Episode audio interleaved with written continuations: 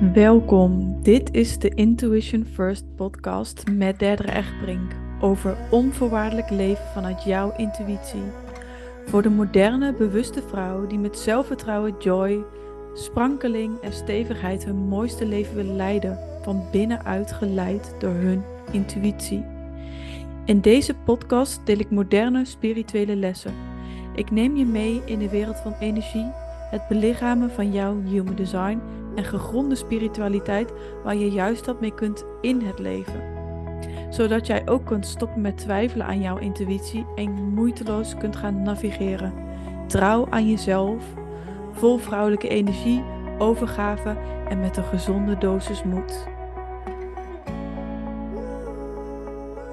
Ja, wat leuk. Welkom lieve mensen bij de Intuition First podcast. Vandaag ben ik met uh, Patricia Pan ja, we kennen elkaar via de mastermind bij corona. En zo kwamen we gewoon eens in gesprek. En volgens mij deelde ik een aantal weken geleden iets van een sticker van uh, samenwerkingen. Want ik hou gewoon echt van co-creatie, van mooie gesprekken.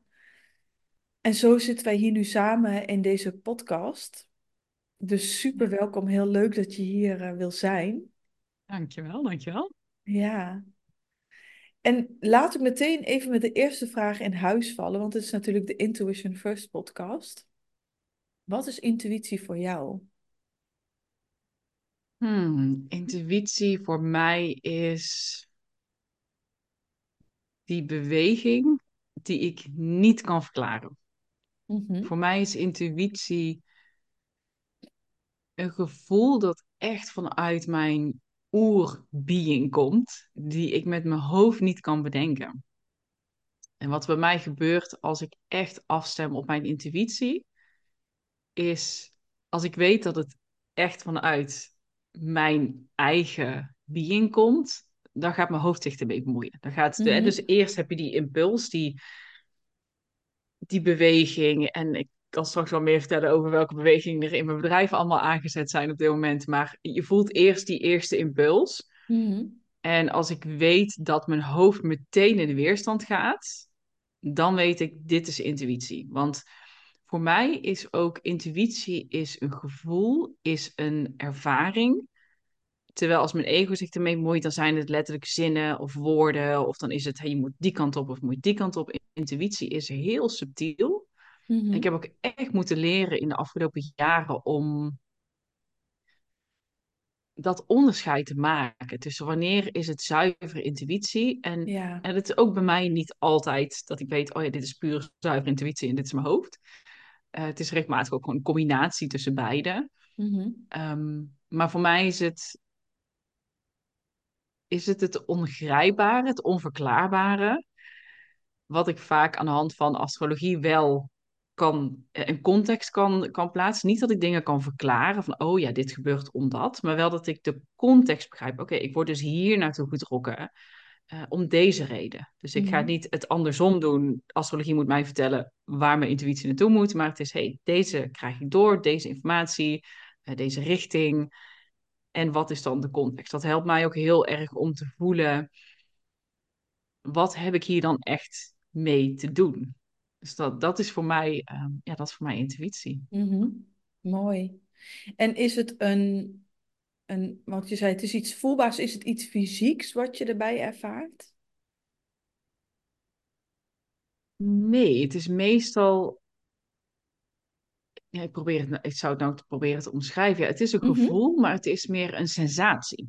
Ja, ja, Dus ja. het is niet echt een lichamelijke sensatie, maar ik voel dus dat uh, mijn intuïtie, die staat even, het staat bij iedereen in verbinding met emoties, maar bij mij komt het dan heel sterk door in emoties. Ik had Ja. vanochtend nog, uh, er is heel veel aan het verschuiven intern bij mij, er is heel veel aangezet de laatste paar weken. En vanochtend werd ik, nou dit was ook een stukje intuïtie, werd ik naar een bepaald nummer toegetrokken. Dat ik de afgelopen weken regelmatig op Instagram voorbij zag komen. En dacht, oh ja, dat is een liedje van vroeger. En daar had ik hele fijne herinneringen aan. En vanochtend dacht ik, ik zoek het nummer op. Mhm. Het nummer heet I Believe. En het bleek dat het uit de film kwam, uh, de dansfilm Honey. Die vond ik toen de Mhm. tijd helemaal geweldig. Ja, ik ken hem ook Dus dat was als oh, zo, zo mooi remind ik. Oh ja, dat kwam uit die film. En daarom ging ik zo aan op dat liedje. Ik ben iemand die ontzettend graag danst. Vroeger heel veel gedanst. En ik stond vanochtend ook in mijn kamer, in de woonkamer. En ik stond te dansen en te huilen van, van dankbaarheid, van blijdschap. Omdat ik dat, deels dat nummer weer herontdekt had. En ook zo diep naar de tekst kon luisteren. En dat, dat creëerde echt een hele golfbeweging in heel mijn systeem. Dus ja, dat was wel voelbaar in mijn lichaam. Maar het was echt een. Het, ook het energetisch. Ik voelde ook letterlijk mijn aura op een hele andere manier aanstaan. En Mhm. ja, als je me had zien springen en dansen, dan zou je zeggen: die vrouw die sport niet. Ik stond echt te huilen en te springen en te dansen. Maar dat is voor mij intuïtie. Dus die impuls, en dit is natuurlijk gewoon even een heel praktisch voorbeeld, Mhm. een impuls van, ja, je kunt denken, oh, dat nummer, ja, maar dat heb je al op Instagram gehoord, dus het is logisch dat je die dan gaat opzoeken.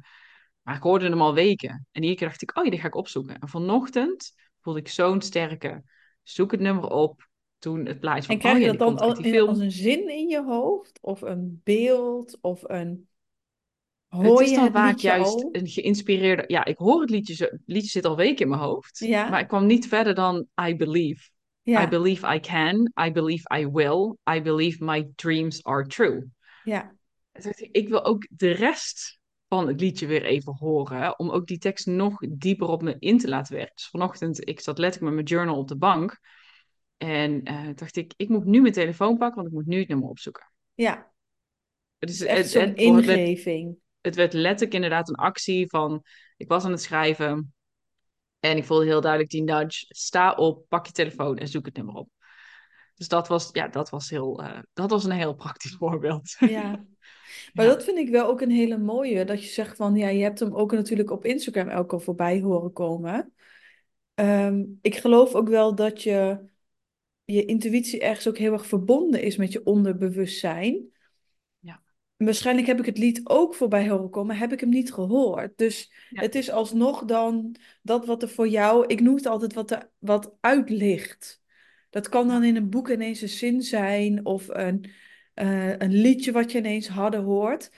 We hadden, ehm, wij waren een tijdje geleden in eh, Edinburgh op eh, vakantie. En toen zeiden we voor de grap tegen elkaar van, nou, vandaag willen we weten of een jongetje of een meisje, want ik ben zwanger. En, en, toen, en toen zei ik dat en, en toen ging de radio uit. Uit het niks. En toen hoorde ik in mijn hoofd van, let op het volgende nummer. Als de radio weer aangaat, let op het volgende nummer.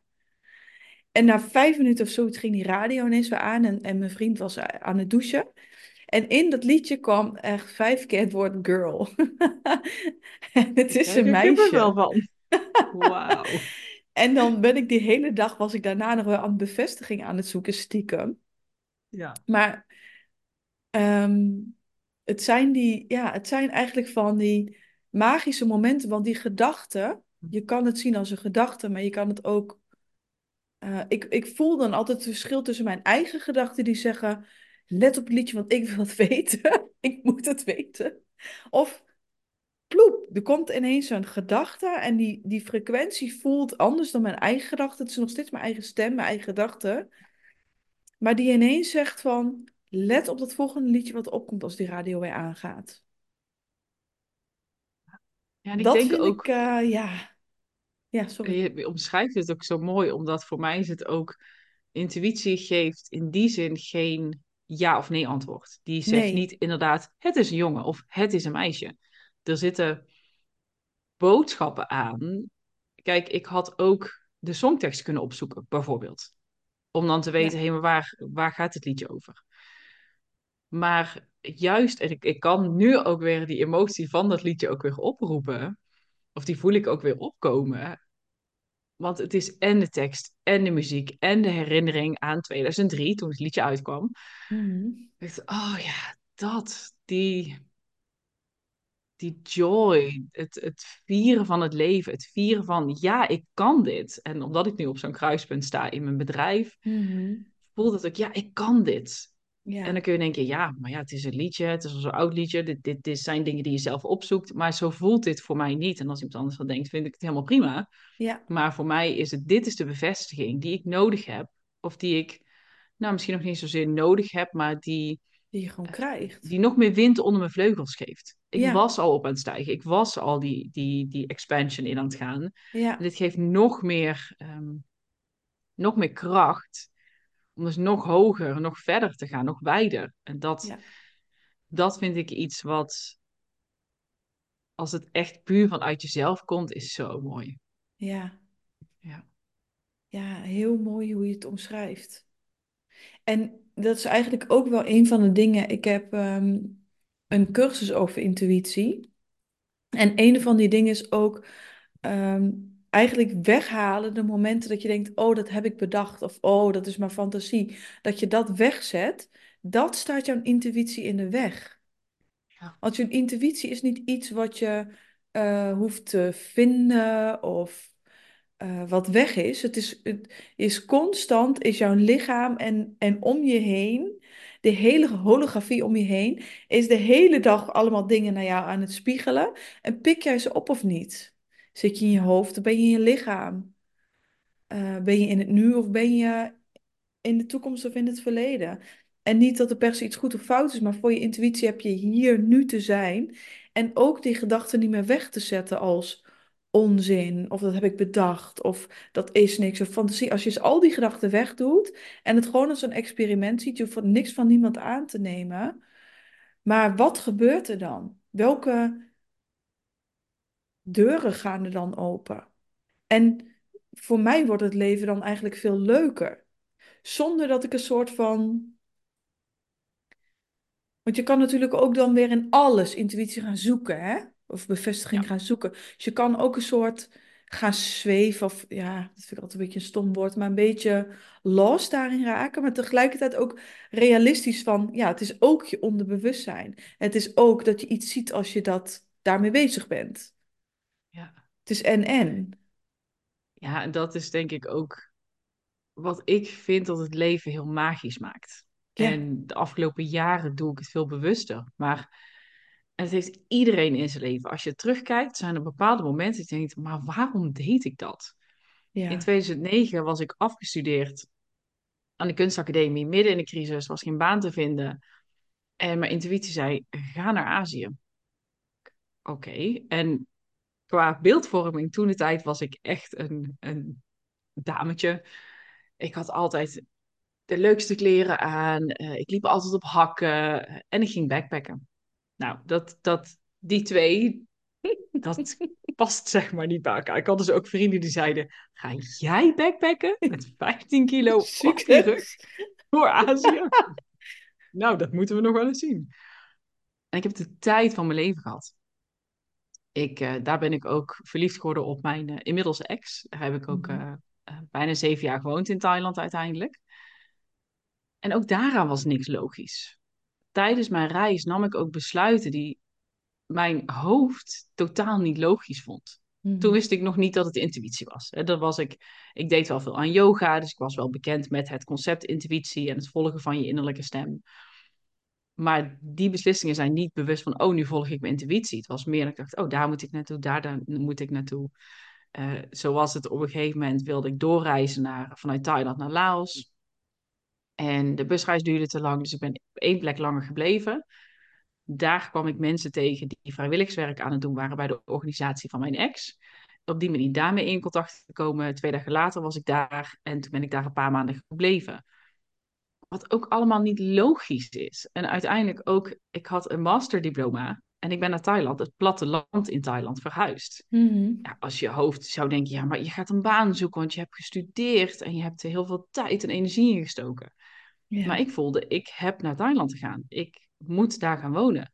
Mhm. En als het niet lukt, dan kom ik gewoon weer terug. Eh, dan is er niks. Ik was toen de tijd eh 24. Ja, dan kom ik gewoon terug. Dan zoek ik een baan en eh, ik had nog geen appartement of geen plek voor mezelf. Ik had niks te verliezen. En heel veel mensen vonden dat raar, omdat het niet logisch was. Mhm. Maar voor mij was het de juiste stap. En toen de tijd was ik er nog niet bewust van. Eh, Maar tegenwoordig voel ik heel duidelijk in. Het hebben hele praktische dingen. Eh, bijvoorbeeld als je met een coach wil gaan werken. Dan voel ik ook echt in, heb ik in te stappen? Of is dit een FOMO omdat de deuren dicht gaan. Of omdat ik zie dat uh, mensen met wie ik heel graag samen ben, dat die er ook in zitten. Mhm. Ja, dus nu Ja. zet ik het wat bewuster in. Maar toen de tijd was het echt vanuit, ik ga die kant op. Ja, gewoon echt onschuld. Ja, ja, precies. Heel Ja. onschuldig gewoon. En dat kon daar. Omdat ik had geen tijdschema. Ja. Ik kon gewoon meegaan met waar ik op dat moment zin in had. En dat is natuurlijk iets wat we in ons dagelijks leven onszelf niet gunnen. Omdat we zeggen, ja, maar ik heb een baan. Ja, maar ik heb een partner. Ja, maar ik heb kinderen. Ja, en. Ik zie het niet als een maar, maar eerder als een en. niet. Ik heb nu ook een aantal dingen in mijn bedrijf die ik ga loslaten. Dat ik heel spannend vind. Maar ik krijg heel sterk door dat ik dat te doen heb. En ik kan zeggen, ja, maar daar komen klanten uit. Ja, maar daar verdien je geld mee. Mhm. Ja, en? Ja, en straks komen er nog leukere klanten en meer geld. Precies. Het is, het is het openzetten voor een andere energie, een andere vibratie. En dat kan alleen maar als je durft te vertrouwen op eh, het loslaten. En wat je dus echt te doen hebt. Dus iedere keer weer terugkomen naar je essentie. Dat is voor mij ook het stukje intuïtie. Om iedere keer. En ik geloof niet dat we in ons leven een, een punt bereiken van, oh, nu heb ik mijn essentie bereikt. En nu sta ik hier. Ik kan het, een vinkje zetten. I'm done. Maar iedere keer die uitnodiging om weer een laagje dieper te gaan. Om weer een laagje dichter bij jouw essentie te komen. En dat kan alleen maar als jij intuïtie durft te volgen. Dat kan alleen maar als jij durft af te gaan op die innerlijke eh, nudge die, jou zegt, die jou vertelt: hey, ga die kant op. Want daar Mhm. is iets wat interessant is. Wat daar zit, geen idee. Maar daar zit iets waar je nu naartoe getrokken wordt en volg dat pad maar. Ja. En of je nou uiteindelijk bij die plekken uitkomt of niet, dat doet er niet toe. En het is ook het proces dat het interessant maakt. Dus niet zozeer die, je hoort ik heel vaak in de online eh, ondernemerswereld van, eh, you have to know your why. En dat is ook belangrijk, je waarom. Maar het hoeft niet per se zo vast te zijn, in beton gegoten te zijn. Want daarom, ik doe dit omdat deze reden. Mhm. Maar voor mij is het ook het proces van ontwikkeling. Het proces van mezelf beter leren kennen. Het proces van, eh, van zelfontwikkeling. eh, maar ook het proces van mensen onderweg leren kennen. Mhm. En daar ook weer die verdieping in kunnen vinden. En elkaar kunnen spiegelen in die reis die je aan het maken bent. Ja. En dan kan eigenlijk de waarom hetzelfde blijven, alleen het pad verandert dan steeds. Ja. Tenminste, zo voel ik het ook heel erg in mijn bedrijf. Eigenlijk mijn waarom, mijn essentie, zowel in mezelf als de essentie die ik heel helder heb voor mijn bedrijf, die blijft constant de soort het licht. Ja. Maar de, hoe ik daar kom, ehm, verandert en wordt ook steeds meer mij door mijn intuïtie te volgen. Dus ik geloof ook heel erg dat we soms dat pad van iemand anders of eh, eh, hebben te volgen om dan weer te denken, oh nee, dit, wa- dit, nee, inderdaad, past helemaal niet bij me. Ik ga weer terug. Ehm, en dat die intuïtie soort van de snelweg is. Die je sneller brengt Mm. naar dat wat voor jou bedoeld is. Maar hoe dan ook, word je daar altijd naartoe geduwd. Ja, dat klopt. Ik moet Ja. ook denken aan mijn allereerste business coach, die heel erg van de, heel spiritueel, maar toch ook heel erg van de funnels was. Dus ik zat me Mhm. als beginnende ondernemer helemaal vast te bijten in de funnels met de gratis weggevers. En ja, je weet al het hele pad. Ehm, nou ja, het is geen verrassing dat dat niet heel succesvol was. Maar het had wel daar, gekund als dat dus zeg maar, als het, ja, als dat als dat mijn pad was. ja, Ja, maar ik dwong het heel erg af. Want ik ja, moet nu een gratis weggever gaan bedenken. En ik ja, moet nu dit doen. En ik moet nu dat doen. In plaats van. eh, ik geloof wel dat, er, dat je kaders moet hebben. Dat er echt wel. eh, dat het juist heel fijn is om een coach te hebben die zegt van. ja, Hey, denk hieraan, denk daaraan. eh, of je blijft in je bullshit hangen. Ga het nu maar gewoon doen. Het is niet je intuïtie waar je pakt. Je zit jezelf gewoon vast te zetten. Dat vind ik ook. ehm, dat. En tegelijkertijd, wat past er bij jou? Wat voelt echt goed? Wat komt uit jou? En ja, hoe kun je dat volgen? En voor mij was het vooral in het begin was het zeker niet eh, de funnels en de, ehm, de gratis weggevers en, en noem het maar op. Heb ik nu wel allemaal staan. Maar dat is echt mhm, vanuit flow ontstaan. Dat is vanuit dit heb ik al of, of dit is waar mensen naar vragen. In plaats van ik maak iets waar ik van denk dat mensen het nodig hebben. In plaats van, hè, hoe kun je dat... Dit is ook voor mij het stukje co-creatie Mhm. met de mensen om je heen, met je klanten, met potentiële klanten. Eh, niet alleen maar op fysiek niveau, maar ook energetisch. Wat hebben zij nog nodig? Waar hebben ze behoefte aan? En dat, dat spelletje, dus tussen intuïtie en ook het stukje businessstrategie, daar wel naast hebben liggen. Dat Mhm. vind ik juist een hele interessante. En dat is ook wat ik zelf met klanten, eh, met klanten doe, waar het grootste deel is energetisch. Ja. En dan, oké, dit is wat er energetisch staat. En wat heb je nu te doen in je bedrijf om daar dus ook mee door te pakken? Wat heb je nu te doen om die knopen door te hakken? Niet zozeer Ja. de knoop moet nu doorgehakt worden, maar wat heb je te doen zodat het doorhakken van die knoop wel te doen is? Ja. Ja. En ik vind ook wel interessant dat je zei van, ik had aan het begin heel goed gevoel, ik moet een gratis weggeven, ik moet een funnel hebben. Volgens mij, het moment dat je in moeten of in zou moeten zit, ben je altijd weg bij je intuïtie. Ja, want dan wordt het een soort extern opgelegd iets. Ja, dat is ook heel erg doen. hoofd. Ja. Heel erg hoofd. Dus ik zie het meer van, eerst komt intuïtie en dan ga ik met mijn hoofd bedenken, ah, wat is dan een slimme aanpak die tegelijkertijd resoneert met mijn lichaam. Mm, Waarbij ik dan zin krijg om dat te doen. ja. Want anders, is, ja, dan is business helemaal niet leuk. Dan ben je na een jaar, denk je, gadverdamme, zit ik weer in de volgende ja. race. Ja. Ja, dan word je haast een slaaf van je bedrijf in plaats van dat je bedrijf voor je werkt. Ja, en ik denk dat we dat op microniveau soms per ongeluk toch nog blijven. zeker. Eh, we zijn ook helemaal zo geprogrammeerd.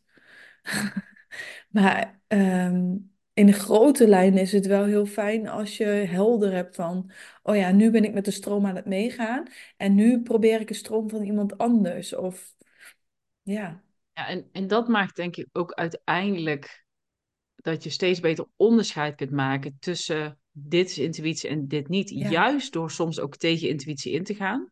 ja. Tegen de weerstand doe ik Kun je ook daar nog wat meer steeds. over vertellen? Want ik denk dat dat, een, Ja, dat is echt een vraag die ik heel vaak hoor van mensen van, ik vind het toch moeilijk om te onderscheiden, wanneer is het nou mijn intuïtie en wanneer is het toch stiekem mijn mind of mijn ego, of hoe je het ook maar wil noemen, die zich voordoet als mijn intuïtie. Dat is echt, ik denk per persoon heel verschillend. En ook echt trial and error. Voor ja. mij is het, ik ben iemand die heel makkelijk in actie kan komen. Mhm. Die, wat ook overigens generator. ja. Wat Eén ook voet op de een, gas. ja, precies, ja, precies, en gaan. Ja, Eh, Wat ook een manier kan zijn om het te verstoppen, om maar bezig te blijven. Ehm, voor mij is dat, mijn lichaam vertelt mij meteen, niet meteen, ehm, dat is vaak al, dan is het vaak al te laat, maar mijn lichaam vertelt mij wanneer ik over grenzen ben gegaan. Aha. En gisteren bijvoorbeeld nog een, eh, een, een heel mooi voorbeeld. Ik heb afgelopen weekend een hele intense, mooie one-day retreat mogen ontvangen. eh, met een hele mooie In Essence Journey. En die is heel intens geweest. eh, heel openend, heel helend, heel bevestigend. Hmm. En vervolgens had ik nog niet eens zoveel afspraken staan eh, de maandag erna. Maar wel twee afspraken waar ik ook heel veel zin in had. Eén was een masterclass geven, en de ander was ook een, eh, podcast interview. Hmm. En tussen die twee afspraken had ik kunnen gaan liggen, had ik ook behoefte aan. In plaats daarvan heb ik een vriendin gebeld. Dus ik ben weer in de externe energie gegaan, dus in het, in Mhm. het geven en in het luisteren. En vervolgens ehm, moest ik snel nog wat eten maken. En toen heb ik gegeten. En toen had ik, nou, ik denk een kwartiertje over. En toen heb ik een podcast interview gedaan. Was superleuk. Een interessant interview eh, met een andere ondernemer. En dat interview eh, kwam ten einde. En toen was het echt, ik zakte als een soort pudding in elkaar. Ja, Ik kreeg eh, een beginnende migraineaanval. En dat is voor mij, en dan is het natuurlijk al te laat. Ehm, maar het is voor mij wel weer een mooie les in hoe kan ik de volgende keer als ik dus voel ik moet rusten, wat heb ik dan nodig om mezelf de ruimte te geven om die rust te pakken? Nou, een heel praktisch voorbeeld daarvan is en dat doe ik steeds vaker, is mijn telefoon in een la leggen, niet bij mij in de buurt. Mhm. Als ik mijn telefoon niet had gepakt, had ik berichtje van van mij niet gelezen, had ik haar niet gebeld. En het was geen dringende situatie waarin ze echt uh, ondersteuning nodig had, maar het was gewoon uh, een gezellig gesprek. Als ik dat niet had gedaan, had ik mijn energie naar binnen kunnen keren. Had ik al alles wat in, op energetisch niveau in gang was gezet die dag ervoor, had ik het meer kunnen integreren. Mm ja. En voor mij is het dus ook essentieel om af en toe uh, fouten, nou fout is een groot woord, af en toe mijn lichaam die me heel hard terugroept. Ja. Om dus weer te voelen, oké, dus dat was, want dat is vaak makkelijker om je vinger op te leggen. Als het een heel subtiel iets is, uh, hele subtiele weerstand, dan zal je daar ook niet heel erg veel last van hebben als jij van die intuïtie afbeweegt. Mm -hmm. Maar voor mij is het in zulke momenten weer een hele goede leerschool. Wat kan ik inzetten om dus mijn intuïtie meer te volgen? En in dit geval was het ja, dus welke begrenzingen en kaders heb je ook praktisch Ja. nodig om je intuïtie Ja. te kunnen volgen? Want als je de hele dag met een mobiel in je hand, het kan nog steeds hoor, maar ehm, het, is, het is minder makkelijk. Ja. Minder Ja, ruimte. ik bouw dus ook, ja, ik bouw dus ook echt heel bewust die momenten van naar binnen keren in. Ja. Ik heb drie kinderen. Mijn jongste, eh, mijn jongste dochter is, eh, is drieënhalf. En die, die wordt rond vijf uur wakker. Het was eerst weer een tijdje wat later, maar het is weer, het is weer vroeger geworden. En dan kan je zeggen, ja, hè, ik ben alleenstaande moeder van drie kinderen. Ik heb het druk, ik heb er geen tijd voor. Ik heb mijn eigen bedrijf. Nou, noem het maar op. Maar ik zet mijn wekker dus expres eerder. Dan denk ik, Mhm. ja, als een kind om vijf uur wakker wordt, dan moet je wel heel vroeg eh, opstaan. Wat ik vanochtend bijvoorbeeld gedaan had, eh, ze was om vijf uur wakker, ze wilde even bij mij in bed liggen. Nou, binnen vijf minuten was ze weer naast me aan het snurken. Heel stilletjes het bed uit. En ik ben met mijn journal eh, om het hoekje gaan zitten, lampje erbij. eh, en ben ik gaan schrijven om Mhm. te voelen wat, wat speelt er in mij op het eerste moment dat ik wakker word. Mhm. En dan kun je balen dat je uit je slaap bent gehaald door een kindje dat aan het huilen is. Maar dat is gewoon, ik ben moeder. Dat is gewoon de realiteit. En Mhm. tuurlijk ben ik ook wel eens je ook gefrustreerd. even en, "Oh, journalen, dat helpt ook. maar ik wil langer slapen. Ja. Maar dan ook daarop, soms schrijf ik ook letterlijk de eerste zin die ik opschrijf. ah, ik baal er zo van dat ik weer om vijf uur wakker ben, ben gemaakt. En niet van mijn wekker of van mijn eigen, eh, eh, mijn eigen innerlijke ehm, alarmklok. En door juist dat ook ruimte te geven, kom je weer bij, maar wat speelt er nu echt in mij? Wat Mhm. veroorzaakt die woede en frustratie? Waar heb ik dan behoefte aan? Wat is er nodig om te voelen wat ik nu te voelen heb? En ook in het vervolg weer een buffer in te bouwen. En inderdaad, hoe jij het ook zo mooi zei, die kaders te creëren, Mhm. zodat je naar je intuïtie kan luisteren. En dat is misschien letterlijk een wekker vroeger gaan zetten. Dat is misschien een uurtje een oppas regelen. Of het, het, het, we zetten onszelf zo vaak vast in de situatie.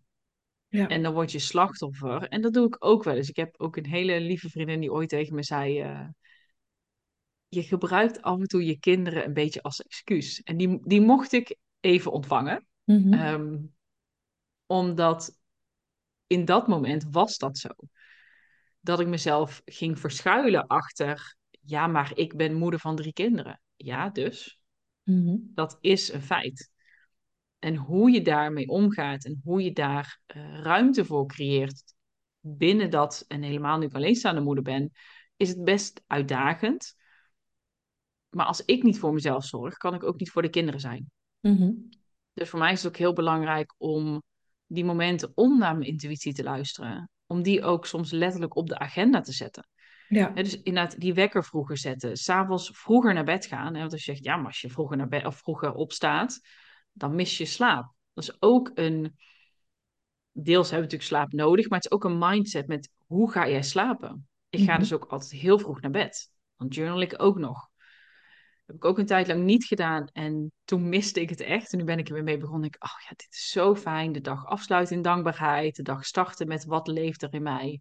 Dus ik ga vroeg naar bed. Dat betekent dat ik niet s'avonds op de bank zit een Netflix-serie te kijken.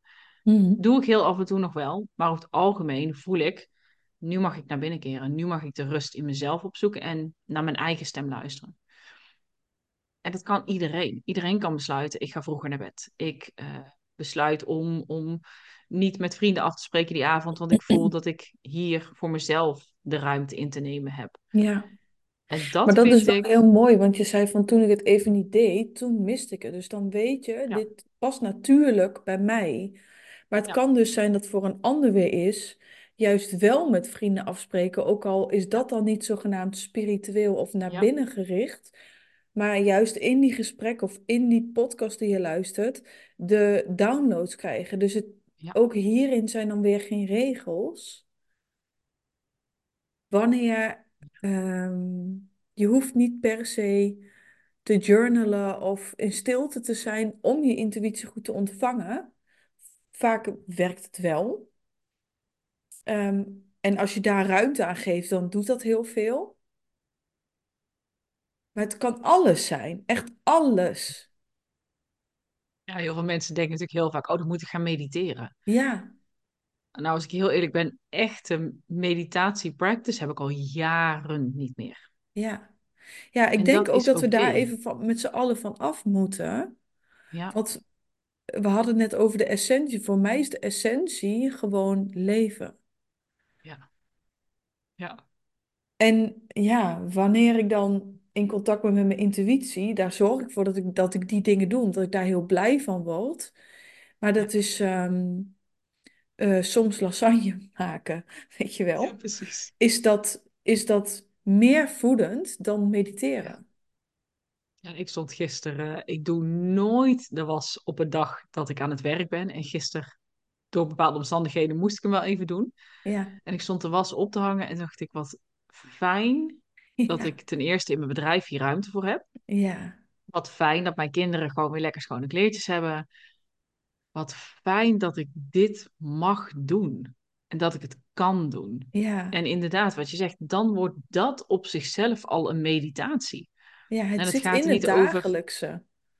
Dat, dat is eigenlijk, en dat, ja, dat is, het is ook eigenlijk precies waar ik ook heel erg op aanga.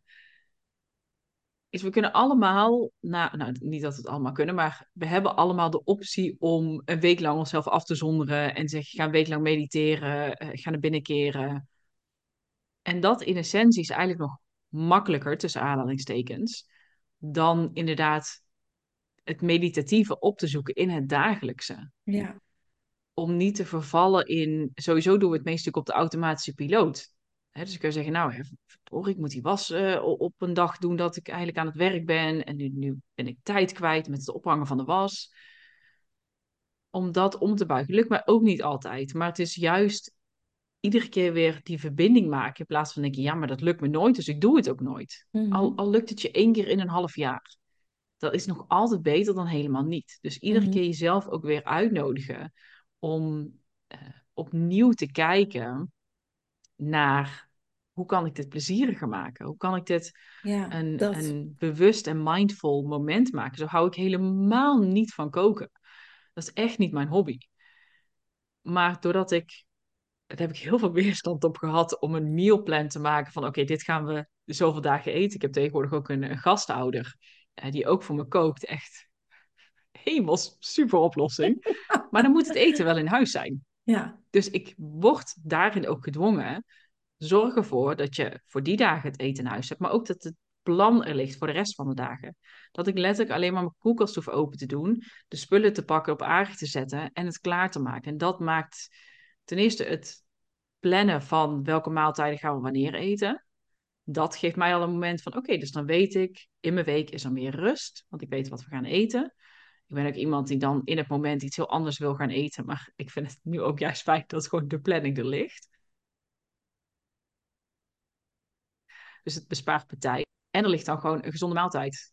Uh, niet dat ik anders niet gezond zou koken, maar dan is het wel gehaast. En dan zit de energie van mij er heel anders in. In plaats mhm, van, ik neem nu een moment om bewust te koken. Het is niet mijn grootste hobby. Als ik het niet zou hoeven doen, zou ik het ook niet doen.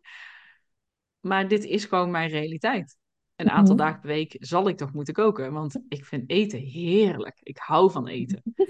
Ik hou van mhm. lekkere geuren. En het maken, daar word ik dan iets minder blij van.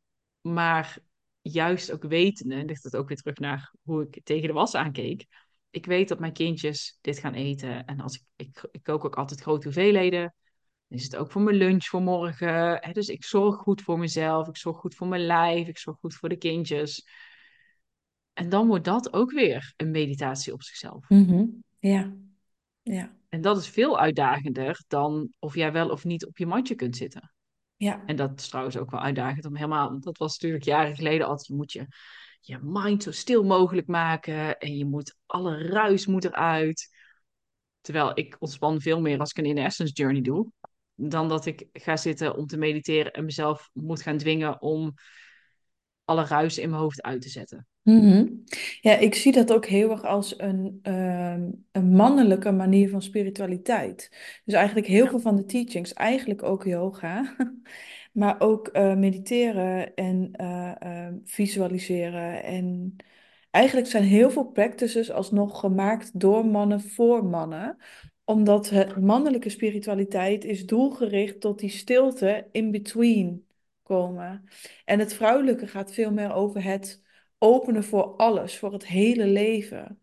En veel meer die pleasure en die joy en die vervulling tot je door je heen laten, door je heen laten stromen. Ja, wat mooi. Zo heb ik er nog nooit tegen aangekeken. Dat is inderdaad wel een hele mooie manier van het vrouwelijke spiritualiteit. En dat voel ik de laatste tijd ook zo sterk. Omdat ik kom ook vanuit de... Ik heb een achtergrond in, eh, in yoga en in reiki. Mhm. En daar Ook gaat het ook heel vaak eigenlijk inderdaad... alles is uiteindelijk door mannen, voor Ja, mannen. ja, en het gaat ook heel erg over het, systemen die stiltes op. zozeer voor vrouwen. Ja, ja en dat, dat wordt mij ook steeds duidelijker. Ook in, in, en helemaal met Inner Essence werd me dat zo, zo duidelijk. Het is trouwens ook grappig hoe ik daarbij gekomen ben. Maar ehm,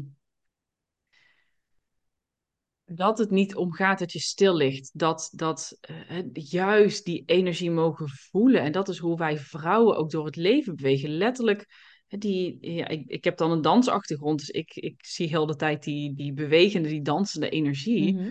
In plaats van spiritualiteit gaat inderdaad over eh gecenterd zijn, rustig zijn. Hè, als een soort zen-monnik eh, op een berg zitten. Mhm. Maar ja, daar is het op een berg, bovenop berg is het eenvoudiger om stil te zitten, want je hebt geen afleiding. Maar hier is het juist die dans aangaan met het En is een leven. En zo zen-monnik niet ook vaak een man? altijd. Nou, in Thailand eh, Niet mogen vrouwen niet eens monniken zijn. Ja, ja dus ook, ook daarin. En eh, als ik dan kijk naar het hele energetische syste- systeem en ook vanuit Human Design, gaat het, eh, het de stilte, de meditaties is eigenlijk heel erg het derde oog. Dus dat is heel erg de Mm, ingang van ons ja. bewustzijn. Maar als je kijkt naar Human Design bijvoorbeeld, je intuïtie en je respons, dat komt uit je onderbuik. Dus dan kan je nog zo in je metabewustzijn en heel bewust zijn van alles en de stilte tussen de gedachten. Maar ben je dan in je lichaam? Mm. Het is eigenlijk ook het haast het ontsnappen naar Ja, dat kan voor heel veel mensen en met name voor vrouwen heel erg ontsnapping worden. En Ja. zo ben ik er ook ooit ingegaan. Want ik had een eetstoornis. Dan wil je niet in je lichaam zijn.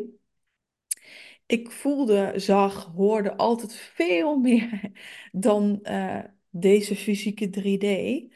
Ehm, dus ik was vroeger altijd al in die fantasie en in mijn eigen wereld eigenlijk. Toen kreeg ik die eetstoornis, dat wilde ik helemaal niet in mijn lichaam zijn. Dus voor mij was spiritualiteit ehm, eigenlijk een soort ehm, kopingsmechanisme. En tegelijkertijd is het wel mijn ingang geworden, want daardoor besefte ik me van, ik ben niet mijn gedachten, ik heb gedachten. Dus die, die eetstoornis, dat zijn gedachten. Ze zijn niet waar. Oké, wat ik ze, als ik ze ga onderzoeken.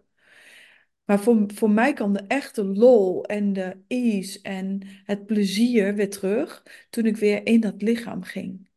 Mm. En ja, ook wel eh, de emoties die ik allemaal heb weggestopt. Die kwam Ja. ik onderweg ook tegen. Ehm, maar eh, je, je hoeft er helemaal niet bang voor te zijn. Dat was de hele paradox. Dus sowieso, en ik denk dat dus allebei nodig is. Alleen voor mij is veel meer het nieuwe tijdperk. En ook waarom Mm. Human Design bijvoorbeeld zo upcoming is, is omdat het veel meer gaat over vanuit dat hele lichaam. Vanuit de volledigheid, vanuit ehm, ook niet ik creëer mijn wereld alleen met mijn gedachten, maar het is een co-creatie met het hele veld om mij heen. Ja. Ja, en het is grappig dat jij. ehm, ik had in het begin van mijn spirituele reis. ehm, je begon gewoon met yogalessen volgen en, en dat soort dingen. Ik ken het, ja. En ik weet dat ik de eerste eh, Yoga Nidra ehm, ontving. En dat ik niet met mijn hoofd het water in durfde. In die visualisatie ging het water in. En, eh, en dat was een hele, hele goede eh yogadocent. En die zei, ja, dit is eng. Want dan gaat je hoofd het water in. Dat betekent dat je die koppeling loslaat met je hoofd. En ik heb ook in meditaties heel erg vaak dat ik zweef. Ik zweefde heel vaak. Ik kon heel Mm, erg mhm. gaan, hè, letterlijk wat je dus nu ook zegt, de hoogte in. Ik was echt is ook heel fijne plek natuurlijk. daarom zeggen ze ook wel eens, hè, zweverig. Ja. Ja, Als je dus inderdaad die, hoe jij het ook zo mooi benoemt, die mannelijke spiritualiteit, dan ga je zweven. Dan ga je dus eigenlijk het, het, de connectie met de aarde, moeder aarde, maar ook met je lichaam, gaat totaal weg. Ik heb het heel soms nog wel eens tijdens helingen of tijdens meditaties dat ik moeite heb om weer in de, in, in de aarde te komen. Dan denk ik, oh ja, ja, ik ook, daar, is hij. En hij is ook nooit weg. Ja, Maar zo, oh, dan is er dus iets in mijn lichaam dat ik nog mag voelen, eh, waar ik mee contact mag maken. En inderdaad, dan komen er oude trauma's, patronen, noem het maar op, kom je allemaal weer tegen. Maar iedere keer weer vanuit, hé, hey, dat is interessant. In plaats van, ah, er is een pijn, daar is, een, is een, een, een trauma, daar is een patroon wat ik niet wil aankijken. Is het nu eerder vanuit, hé, hey, dat is interessant. Dit Mhm. komt weer omhoog. ja, Ehm, maar je bekijkt het vanuit een ander bewustzijn. En daardoor kun je iedere keer een laagje dieper pellen. En dat is ook iets wat ik in mijn werk nu veel meer, eh, veel bewuster ben, is de belichaming. ja, In astrologie gaat het heel vaak over het hoofd, want ja. we willen begrijpen, wat doet de maan, wat doet de zon, wat doet Saturnus, Eh, waar staat het in mijn horoscoop en wat betekent dat voor de energie waar ik nu in zit? In plaats van, hoe voelt dat in jouw lichaam? En de connectie ook, wat, wat ik heel krachtig ook vind in, eh, in astrologie, is dus naar bepaalde jaren of data terugkijken in het verleden. Welke beslissingen nam jij toen? Mhm. En hoe kun je daar nu, nu je in eenzelfde soort energie zit, vanuit een ander bewustzijn, hoe kun je daar bewuster mee omgaan? Mhm. Hoe kun je dus in plaats van jezelf de schuld geven of zeggen ik had het anders moeten doen, hoe kun je, hoe je toen tegen de situatie hebt aangekeken, bepaalde dingen hebt aangepakt, hoe kun je dat nu belichamen? Het voelen in jouw systeem, in jouw lijf en op een andere manier beslissingen nemen. Op een andere manier, als we het dan hebben over knopen doorhakken, hoe zit dat in jouw systeem? Mhm. Want natuurlijk is astrologie ontzettend interessant. Is net als human design, maar als het niet belichaamd is, Ja, dan is het nog steeds maar een hoofdding. En dan kun je alles erop afgooien als excuus. Ja, ja maar eh, Saturnus eh, die maakt nu een vierkant met mijn eigen Saturnus. Dus ja, daarom voel ik me zo. Ja, ja, dat een Saturnus vierkant is inderdaad een uitdaging. ja, En ik heb hem twee jaar geleden gehad en er kwam weer heel veel gedoe en shit omhoog. Net zo goed als dat ik mijn scheiding soort van zag aankomen. Niet dat ik zou gaan scheiden, wel dat die periode iets. mega intens zou zijn. Dat ik dacht, Ja. halleluja. Het was en Saturnus vierkant, dus dat ze ehm, eh, niet heel plezierig tegenover elkaar staan. Mhm. En het was de eclipse en het was eh, ehm, mijn nodal return, wat je één keer na 18 jaar hebt. Mhm. Dus het was heel veel boven op elkaar. Maar in plaats van te zeggen, oh, dat, is, dat, dat wordt eng, dat wordt een periode van... Ik zag het heel erg als een periode van transformatie. Alsnog kwam mijn scheiding uit de lucht vallen. En tegelijkertijd was er een diep vertrouwen... dat of we nu bij elkaar zouden blijven of, of uit elkaar zouden gaan... dat het enorm transformerend zou zijn. Uiteindelijk hebben we Mhm. besloten uit elkaar te gaan... eh, ook vriendschappelijk, maar dan is het nog steeds pijnlijk. Hè? Je bent nog steeds eh, ouders van drie kinderen... Uh, je bent nog steeds een heel leven aan het ontkoppelen. Maar juist om in die periode van hele intense transformatie te belichamen. Maar wat wordt er nu getransformeerd? Wat wordt er nu aangezet? Wat wordt er van mij gevraagd in dit lijf? Ja, In, in dit deze leven. 3D-wereld? Ja. in samenwerking met het energetische stuk. Dus voor mij is die verbinding tussen het energetische, maar ook wat er in je lichaam gebeurt, het belichaming, hè, al die lagen. Het is integratie daarvan. Het is niet, we pakken het een aan en we werken op de onderstroom en we lichaam, je lichaam laten we wel even rusten. Ja. Juist als je die laagjes allemaal naast elkaar kunt houden. En vanuit de ene laag voel je dit, vanuit de andere laag voel je dat. En al die informatie samen te integreren in jouw Mhm. systeem. En Ja. iedere keer weer dat laagje dieper mogen gaan. Ja, mooi. Ja, zo zie ik human design ook heel erg. En ik denk ook dat ik daarom eigenlijk zo, dat dat meteen zo resoneerde. Want het is een stukje astrologie. Alhoewel Ja. ik daar niet diep genoeg in ben gedoken om daar echt eh, heel veel van te weten. Maar het is heel erg gekoppeld aan het lichaam.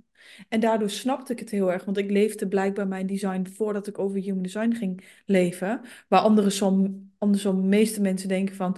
Oh, zo leef je design. Dat deed ik dus Ja. niet. Was ik het al aan het leven? Ja, Ehm, juist door dat lichaam zo te volgen. En dan mag het gewoon één grote bevestiging zijn. En ook met die, die Saturnus bijvoorbeeld, dat je zegt van, oh ja, dit, dit betekent het op papier, maar hoe voelt dat dan? Dat is wel hele mooie, heel mooi hoe je astrologie eh, ja, bijna meer menselijk, meer nu naar het nu haalt. ja. Ja, en dan blijft het ook in je systeem zitten. Ja, Want als ja je het dan kan je het hoofd klikken. benaderen, Ja, ja. En dan hoef je het nog niet eens eh, in die zin letterlijk in je systeem te integreren, dat dat een bewuste methode is. Maar ja, omdat je het kan voelen, ja. hetgeen dat mijn klanten ook altijd zeggen, oh, dit voelt zo fijn om erkend en gezien te worden. Dus het is eigenlijk Mhm. alleen al die bevestiging van dit is wat er gaande is, dit is de context, dit zijn de haakjes eventueel met het verleden. En zo kan ik hier op dit moment in mijn leven bewust bij stilstaan, het een plek geven, nog niet eens bewust, oh, ik geef het een plek in mijn systeem, maar dat, Mhm. dat je systeem zich ook op, als het ware weer kan herkalibreren Ja, voor die volgende golf waar je weer op mee mag bewegen. ja. En zodat je ook met de stroming mee mag bewegen. Dat je met die flow mee mag gaan.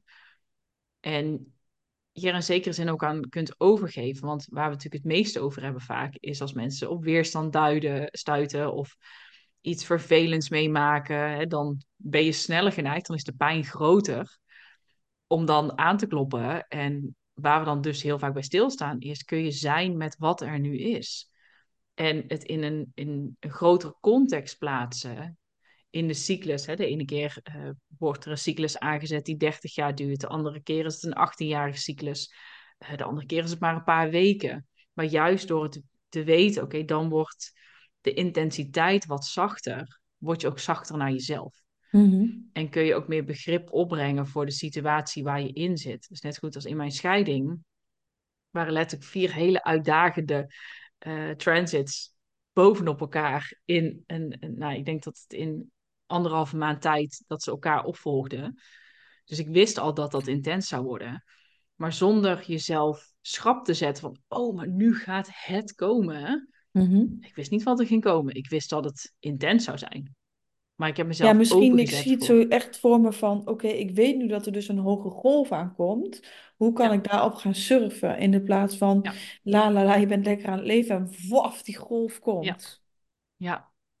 Ja, en, en toch voelde het nog steeds als een golf die, die me achterover sloeg. Ja, ja, Ehm, maar tegelijkertijd dan ik, oh ja, dat was die golf. ja, En nu kan ik daar mee meebewegen zonder dat ik denk, ja, maar dit had zus, dat had zo. Ja. Ja, in één keer zijn, is je heel je toekomst eh, is compleet veranderd en ligt er een heel open veld voor je. En dat is natuurlijk heel eng.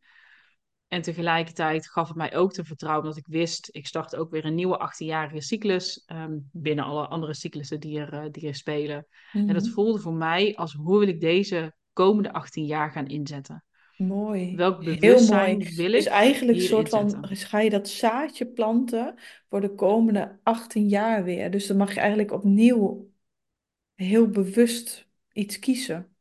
Ja, en dit ging specifiek over noordelijke maansknoop. En je noordelijke Mhm. maansknoop, dat is, de, ehm, ja, dat is jouw pad in dit leven. Dat is jouw zielsmissie.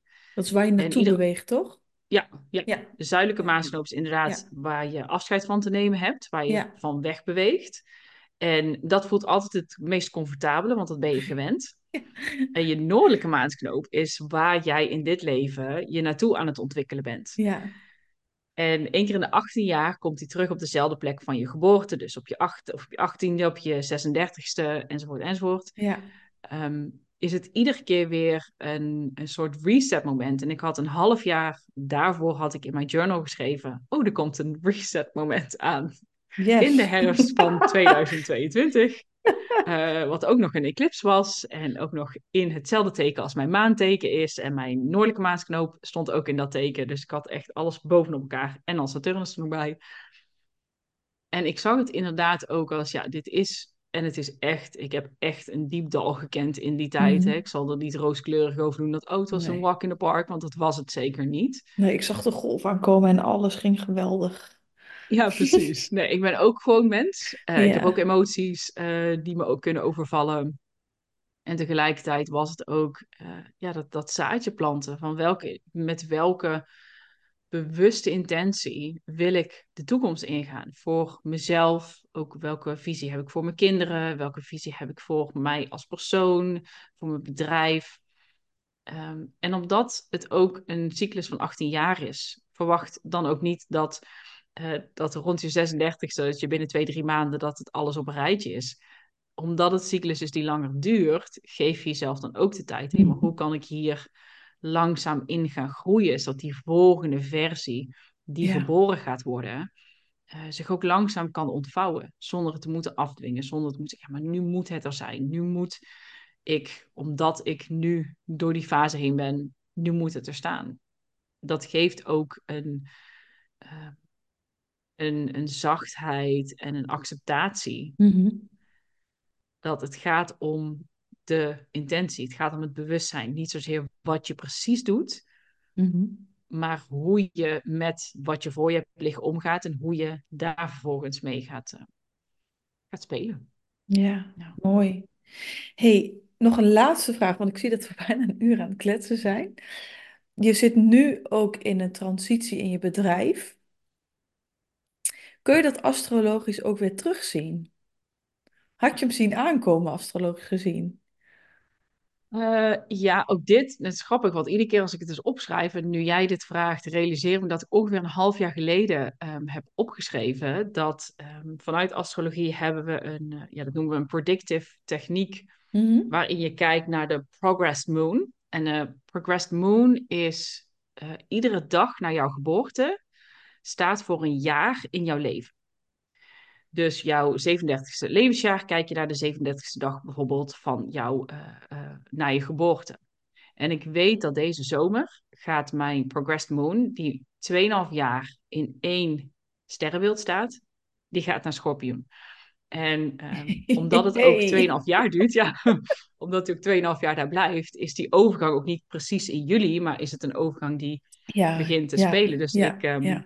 Ik was eh, een paar dagen geleden aan het journalen en toen schreef ik over transformatie en, en eh, een naam die ook heel sterk doorkwam, Remembrance. Mhm. En toen eh, dacht ik, oh, wacht even. Mijn maan, mijn progressed moon gaat naar een ander teken. Wanneer Ja, is dat precies? Nu staat hij in weegschaal. En weegschaal is een balans. Hè? Letterlijk alles evenwichtig willen houden. Harmonie willen opzoeken. Schorpioen is diepe, diepe transformatie. Is echt die onderlaag ingaan. ja, voor mij Dus is dat zin ook de remembrance, de diepe Ja, wateren. Ja, ja. Ja, en voor mij waar Remembrance ook heel erg om draait, is niet alleen het herinneren van jouw eigen essentie, maar dit is ook het herinneren van de lineage die voor ons komt. Van ja, het eren van de astrologische eh, lineage, maar ook de, de hoge priesteresses hier in Europa. Want we horen natuurlijk heel vaak over hè, eh, het pad van shamanisme uit Zuid-Amerika. Wat ik ook ontzettend fascinerend vind. Tegelijkertijd voel ik ook heel sterk, ik ben Europees. En ik voel ook dat hier in Europa nog zoveel zaadjes duizenden jaren geleden zijn geplant, waar we niks meer mee doen, dat die helemaal zijn uitgewist. Hoe kunnen we die weer omhoog halen? Die, die remembrance van wat wij hier in Europa als hoge priesteresses deden. Ja. En ik zeg ook wij, want ik voel ook dat ik hier heel sterk iets te doen heb. Dat is natuurlijk ook de schorpioen-energie, hè? Die, die priesteresses die, eh, die jou laten verbinden met jouw innerlijke goddelijkheid. In plaats van het buiten onszelf te zoeken, is hoe kun jij contact maken met het innerlijke goddelijke, met het universum, met welke naam je er ook aan wil geven, de bron. Dat voel ik heel sterk doorkomen. En ik, logisch is het niet, want mijn bedrijf loopt. En toch voel ik, ik heb een andere afslag te nemen. Mhm. Ja, Ja. heel mooi. Hier kan ik echt bij voelen van wat je echt zegt van die, die, die Europese priesteressen. Ja, daar heb je een eh, nieuw puzzelstukje. Ja, precies. Ja, Ja. En iedere keer komt er een nieuwe bij en dat is helemaal goed. Ja. Ja, ja. Dat is ook, eh, dat is ook heel bijzonder, want in het shamanisme en in het Oosterse en het Egyptische is heel veel opgeschreven. Maar eigenlijk de Druïden of de natuurvolkeren of de, ehm, de Kelten, die gaven het allemaal mondeling aan elkaar door. Er is een heel interessant onderzoek ook geweest, specifiek naar het oude Egypte en het oude eh, Griekenland. Om daar dus die, wat de priesteresses eigenlijk deden en hoeveel daarvan vertaald is door de katholieke kerk en omgevormd is. Oei, ja. zo, zo zijn er, eh, ja, daar, kan ik uren over praten, maar ik wil één nog heel kort aanstippen. Volgende podcast. Ja, precies. Next. Dan zitten we hier nog wel een paar uur. Maar dat is ehm, wat we heel vaak als hè, de hostie, eh, het lichaam van Christus. Toen de tijd was dat waarschijnlijk een plantmedicijn. Ja, Dat deze hoge priesteresses in een ritueel, echt een grote ritual space, Hmm. eh, gaven aan mensen, zodat je je eigen goddelijkheid kunt ontmoeten. ja, Dat je letterlijk een, een, een tool tot je neemt, zodat je nog dieper kan afzakken. En ik wil ook niet zeggen dat, dat plantmedicijn het antwoord is, maar het is interessant om hoe het vervolgens uit verband is ge- getrokken en Ja. plantmedicijn gelabeld is als drugs en dat nog verder is gaan ontwikkelen. Want wat gebeurt er als je dit buiten een sacred space doet, buiten een, een, een priesteres die jou in jouw proces begeleidt?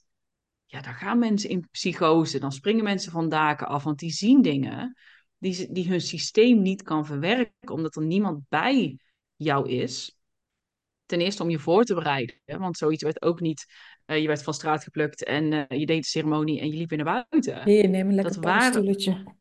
Ja, precies. Dat waren ook gewoon weken waarin je voorbereid wordt, waarin je uiteindelijk het plantmedicijn neemt.